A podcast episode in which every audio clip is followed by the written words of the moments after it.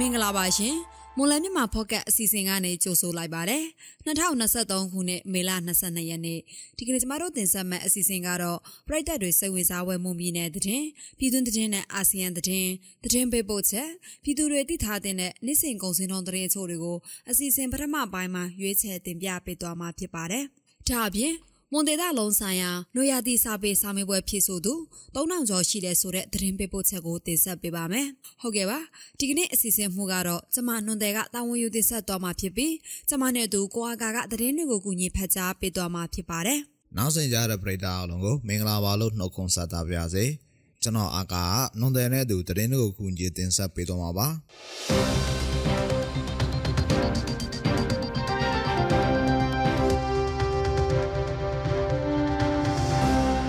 ဦးဆုံးသတင်းသဘောအနေနဲ့ရင်းမြို့နယ်မြောက်ပိုင်းဒေသရှိဝါပတဲကျေးရွာအနီးတစ်ဝိုင်းမှာနှစ်ရက်ဆက်တိုက်တိုက်ပွဲဖြစ်ပွားနေတယ်လို့သိရပါဗျ။ ရင်းမြောက်ပိုင်းဝါပတဲကျေးရွာအနီးရှိပြည်သူ့ကာကွယ်ရေးတပ်ဖွဲ့စခန်းတစ်ခုကိုစစ်ကောင်စီကလေရင်နဲ့ဘုံကျဲတိုက်ခိုက်ခဲ့ပြီးနောက်အဲ့ဒီဒေသကိုစစ်ကောင်စီတပ်ကအင်အားအလုံးအရင်နဲ့ထပ်မံစစ်ကြောင်းထိုးဝင်ရောက်လာတာဖြစ်ပါတယ်။ဝါပတဲကျေးရွာအနီးကိုစစ်ကြောင်းထိုးဝင်ရောက်လာတဲ့စစ်ကောင်စီတပ်နဲ့ကြားဖြူစစ်ကြောင်းနဲ့နာမြေခံတပ်ပူပေါင်းအဖွဲ့တို့ကြားပြီးခဲ့တဲ့၃ရက်နေ့ညနေပိုင်းကစပြီးထိတွေ့တိုက်ပွဲဖြစ်ပွားခဲ့ပါတယ်။ တနေ့ကမနက်ပိုင်းအထိထိတွေ့တိုက်ပွဲထပ်မံဖြစ်ပွားခဲ့ပြီးတိုက်ပွဲအခြေအနေအသေးစိတ်နဲ့ထိခိုက်မှုအခြေအနေကိုတော့မသိရသေးပါဘူး။လက်ရှိတိုက်ပွဲကြောင့်ဝါပဒဲနဲ့အနီးတစ်ဝိုက်ကကြေးရွာတွေမှာရာနဲ့ချီတဲ့ပြည်သူတွေဘေးလွတ်ရာထွက်ပြေးတိမ်းရှောင်နေကြရပါတယ်ရှင်။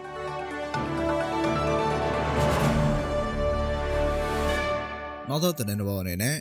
တမ်ဇမ်မြို့နယ်စူပလောင်ကျေးရွာလမ်းဝမှာရှိတဲ့ဖုန်ကျောင်းအနီးမှာတနေ့က ညနေပိုင်းကအသက်16နှစ်အရွယ်လူငယ်တဦးကိုလက်နက်ကင်လူတစုကပြစ်တက်ခဲ့တယ်လို့သိရပါဗျ။အိမ်နေ့ကညနေ၄နာရီအချိန်ဆိုင်ကယ်စီးလာတဲ့အသက်16နှစ်အရွယ်မောင်ကျော်နဲ့မောင်လှထွန်အောင်တို့နှစ်ဦးကိုလက်နက်ကင်ဆောင်ထားတဲ့လူတစုကပြစ်တက်ခဲ့တယ်လို့သိရပါဗျ။တနက်နဲ့ပြစ်ခံရတဲ့အတွက်ကြောင့်မောင်ကျော်ဟာအခင်းဖြစ်ရနေရမှာပဲတည်ဆုံးခဲ့ပြီးမောင်လှထွန်အောင်ကတော့ထွက်ပြေးလွတ်မြောက်ခဲ့တယ်လို့သိရပါဗျ။ပြစ်ခတ်သူတွေကကရင်စစ်သားတွေတို့ပြောဆိုနေပေမဲ့တိကျအတိမပြုနိုင်သေးပါဘူး။ ပြစ်သက်ခံရသူလူငယ်ဟာတမ်ချက်မြို့နယ်ဝဲတော်ကျေးရွာနေသူတူဖြစ်ပြီးဆယ်တန်းကျောင်းသားတူလည်းဖြစ်ပါတယ်ခင်ဗျာနောက်ထပ်သတင်းသဘောအနေနဲ့ကျိုက်ထုံမြို့နယ်မှာကျေးရွာချင်းဆက်လမ်းပိုင်းနှစ်ခုကိုစစ်ကောင်စီတပ်ဖွဲ့တွေကဖျက်ဆီးလိုက်တာကြောင့်တွာလာရေးအခက်အခဲကြုံနေရတယ်လို့ဒေသခံတွေထံမှသိရပါဗျ။ ပြီးခဲ့တဲ့3ရက်နေ့ကကျိုက်ထုံမြို့နယ်ကင်းမွန်ချောင်းကျေးရွာနဲ့စောင်းနိုင်ကြီးကျေးရွာတို့ဆက်သွယ်ထားတဲ့ကျေးရွာချင်းဆက်လန်းကိုဗတ်ဟိုနဲ့အနက်6ပေနီးပါသူ့ဖို့ပစ္စည်းခဲ့ပါတယ်။ဒါအပြင်တနေ့ကညနေပိုင်းမှာလဲဝင်းကလော့ကျေးရွာဆက်လန်းကိုစစ်ကောင်စီတပ်ဖွဲ့တွေကဗတ်ဟိုနဲ့ထပ်မံပစ္စည်းသွားတာဖြစ်ပါတယ်။စစ်ကောင်စီတပ်ကပစ္စည်းသွားတဲ့ကြေးရွာချင်းလမ်းပိုင်းကဆိုရင်ကင်မွန်ချောင်းကြေးရွာကနေစောင်းနိုင်ကြီးမဲယုံလေမဲယုံကြီးကတိုင်တို့ မိုးပေါ်နက်စင်အပါဝင်ကြေးရွာပေါင်း၁၀ရွာကိုအဓိကတွာလာနေရတဲ့လမ်းပိုင်းတစ်ခုဖြစ်ပါတယ်။ဝင်းကလော့ကြေးရွာလမ်းပိုင်းကဆိုရင်လည်းဘီလင်မျိုးနယ်ဘက်ကိုဆက်သွယ်နေတဲ့လမ်းမကြီးတစ်ခုဖြစ်ပြီးပြက်စီးခံလိုက်ရတဲ့လမ်းပိုင်းတစ်ခုစလုံးကထိစပ်မှုရှိတယ်လို့သိရပါတယ်။အဆိုပါကြေးရွာချင်းဆက်လန်းတွေကိုစစ်ကောင်စီတပ်ဖွဲ့တွေကလာရောက်ဖျက်ဆီးတဲ့အချိန်မှာကြေးရွာတွေဘက်ကိုလက်နက်ကြီးတွေပစ်ခတ်ပြီးမှဗတ်ဟွန်နဲ့လမ်းဖျက်ဆီးခဲ့တာဖြစ်တယ်လို့ဆိုပါတယ်ရှင်။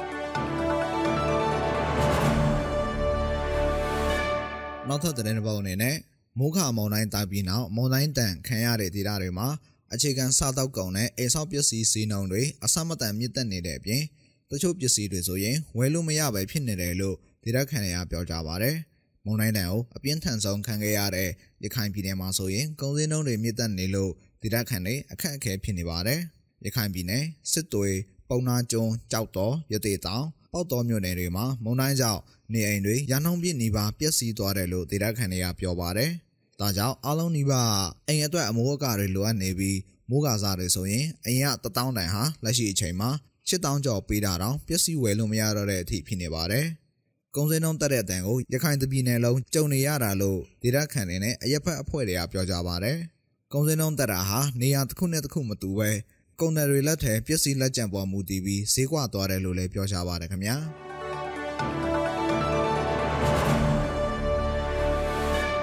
နောက်ဆုံးသတင်းသဘောအနေနဲ့ မုခဆိုင်ကလုံးတန်ခံခဲ့ရတဲ့မြန်မာပြည်သူတွေကိုနိုင်ငံတကာအနေနဲ့လူသားချင်းစာနာမှုအကူအညီတွေအမြန်ဆုံးပေးကြဖို့ထိုင်းနိုင်ငံရွေးကောက်ပွဲအနိုင်ရ Move Forward Party ကောင်းဆောင်ပီတာလင်ဂျာရိုရက်ကတိုက်တွန်းလိုက်ပါတယ်။မုန်တိုင်းတွင်တည်ဆုံခဲ့ရသူတွေ၊အိုးအိမ်ဆုံးရှုံးရသူတွေနဲ့ထပ်တူခံစားရတယ်လို့မနေ့ကညနေပိုင်းကသူ့ရဲ့အတွန်းသားစာမျက်နှာမှာရေးသားထားပါတယ်။ တင်ရေးရှင်ရေးအမြအကူအညီလိုအပ်နေတဲ့မုံတိုင်းတဲ့မြန်မာပြည်သူတွေကိုအထောက်အပံ့ပေးရေးဟာတူဝန်ကြီးချုပ်အသစ်ဖြစ်လာရင်ဦးစားပေးလုပ်မဲ့မြန်မာနိုင်ငံနဲ့ပတ်သက်တဲ့နိုင်ငံရေးချမှုဝါဒဖြစ်တယ်လို့လည်းဆိုပါတယ်။ မြန်မာအရေးနဲ့ပတ်သက်ရင်အရေးပါတဲ့သူတွေပါဝင်ထိုက်တဲ့သူတွေအားလုံးကိုတွဲဆုံဆွေးနွေးမဲ့နိုင်ငံသားရေးမူဝါဒထားရှိမယ်လို့လည်းပီတာလင်ဇာရိုရက်ကပြောပါတယ်။လူသားချင်းစာနာမှုစီးပွားရေးနဲ့လူမှုဘဝတိုးတက်လုံခြုံရေးအပိုင်းတွေကိုအထူးထားအာရုံစိုက်မှာဖြစ်ပြီးမြန်မာနိုင်ငံရောထိုင်းနိုင်ငံတမကအာဆီယံနဲ့နိုင်ငံတကာအတွက်ပါအေဂျင့်တဲ့အတိုင်းအမြုံဖြစ်အောင်ဆောင်ရွက်မယ်လို့လည်းသူကကတိပေးထားပါတယ်ရှင်။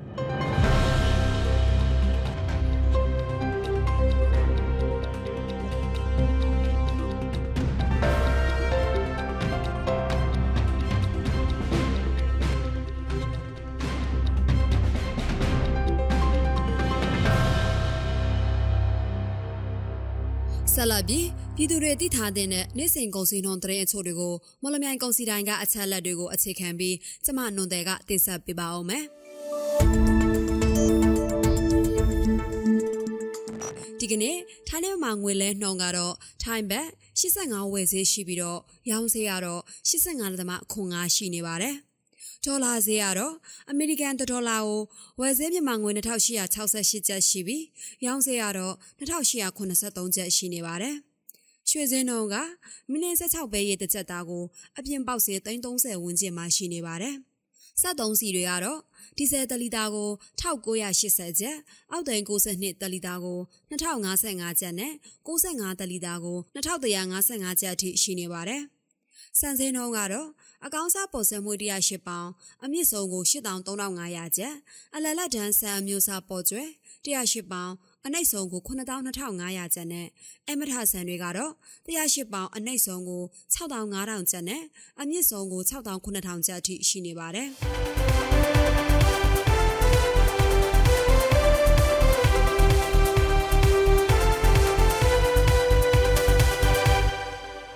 တင်ဆက်ပေးသွားခဲ့တာကမေလ18ရက်နေ့မှာဖြစ်ပျက်ခဲ့တဲ့မွန်ပြည်နယ်သတင်းပြည်တွင်းသတင်းနဲ့အာဆီယံသတင်းတွေအပြင်တနေ့တာစီစဉ်ငွေစင်းနဲ့ကုန်စည်နှုန်းတွေကိုတင်ဆက်ပေးသွားတာဖြစ်ပါတယ်။ဆက်လက်ပြီးတော့မွန်ဒေတာလုံးဆိုင်ရာလူရသည်မွန်စာပေစာမေးပွဲဖြစ်ဆိုသူ3000ကျော်ရှိတဲ့ဆိုတဲ့သတင်းပေးပို့ချက်ကိုနဒီကတင်ဆက်ပေးပါအောင်မယ်။ နေ့ကမေလ23ရက်နေ့ကကျင်းပခဲ့တဲ့24ကြိမ်မြောက်မွန်တီတာလုံဆိုင်ရာနွေရာသီမွန်စာပေစာမေးပွဲမှာ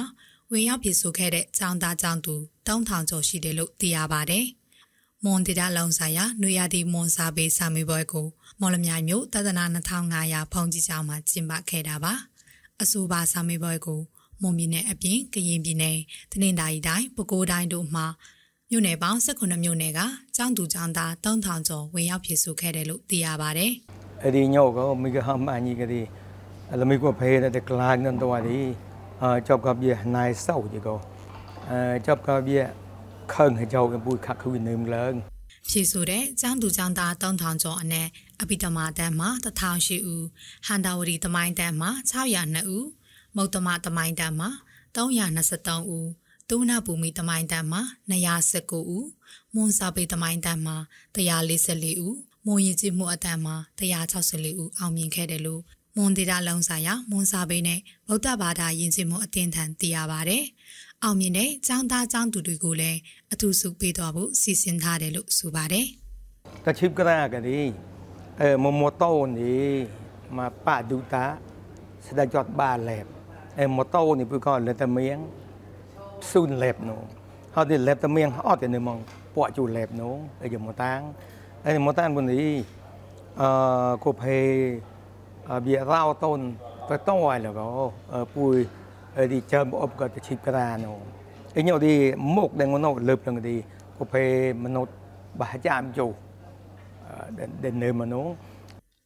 အထူးဆိုရရှိတဲ့ចောင်းသားចောင်းသူတွေကိုလာမယ်မေလ28ရက်နေ့မှာစိုက်မယောမြို့နယ်ကျွန်းရွာကြီးရွာကာလယာနာမိတ်တာကျောင်းမှာစုချင်းမြင့်တဲ့အခမ်းအနားကျင်းပသွားမှာဖြစ်ပါတယ်။နလူရသည်မွန်စာပေတင်တန်းဟာရက်တူတင်တန်းဖြစ်ပေမဲ့လေမွန်စာပေအဖွဲ့အစည်းမှာအင်အားကြီးဆုံးစာပေအဖွဲ့အစည်းတစ်ခုဖြစ်ပါတယ်ရှင်။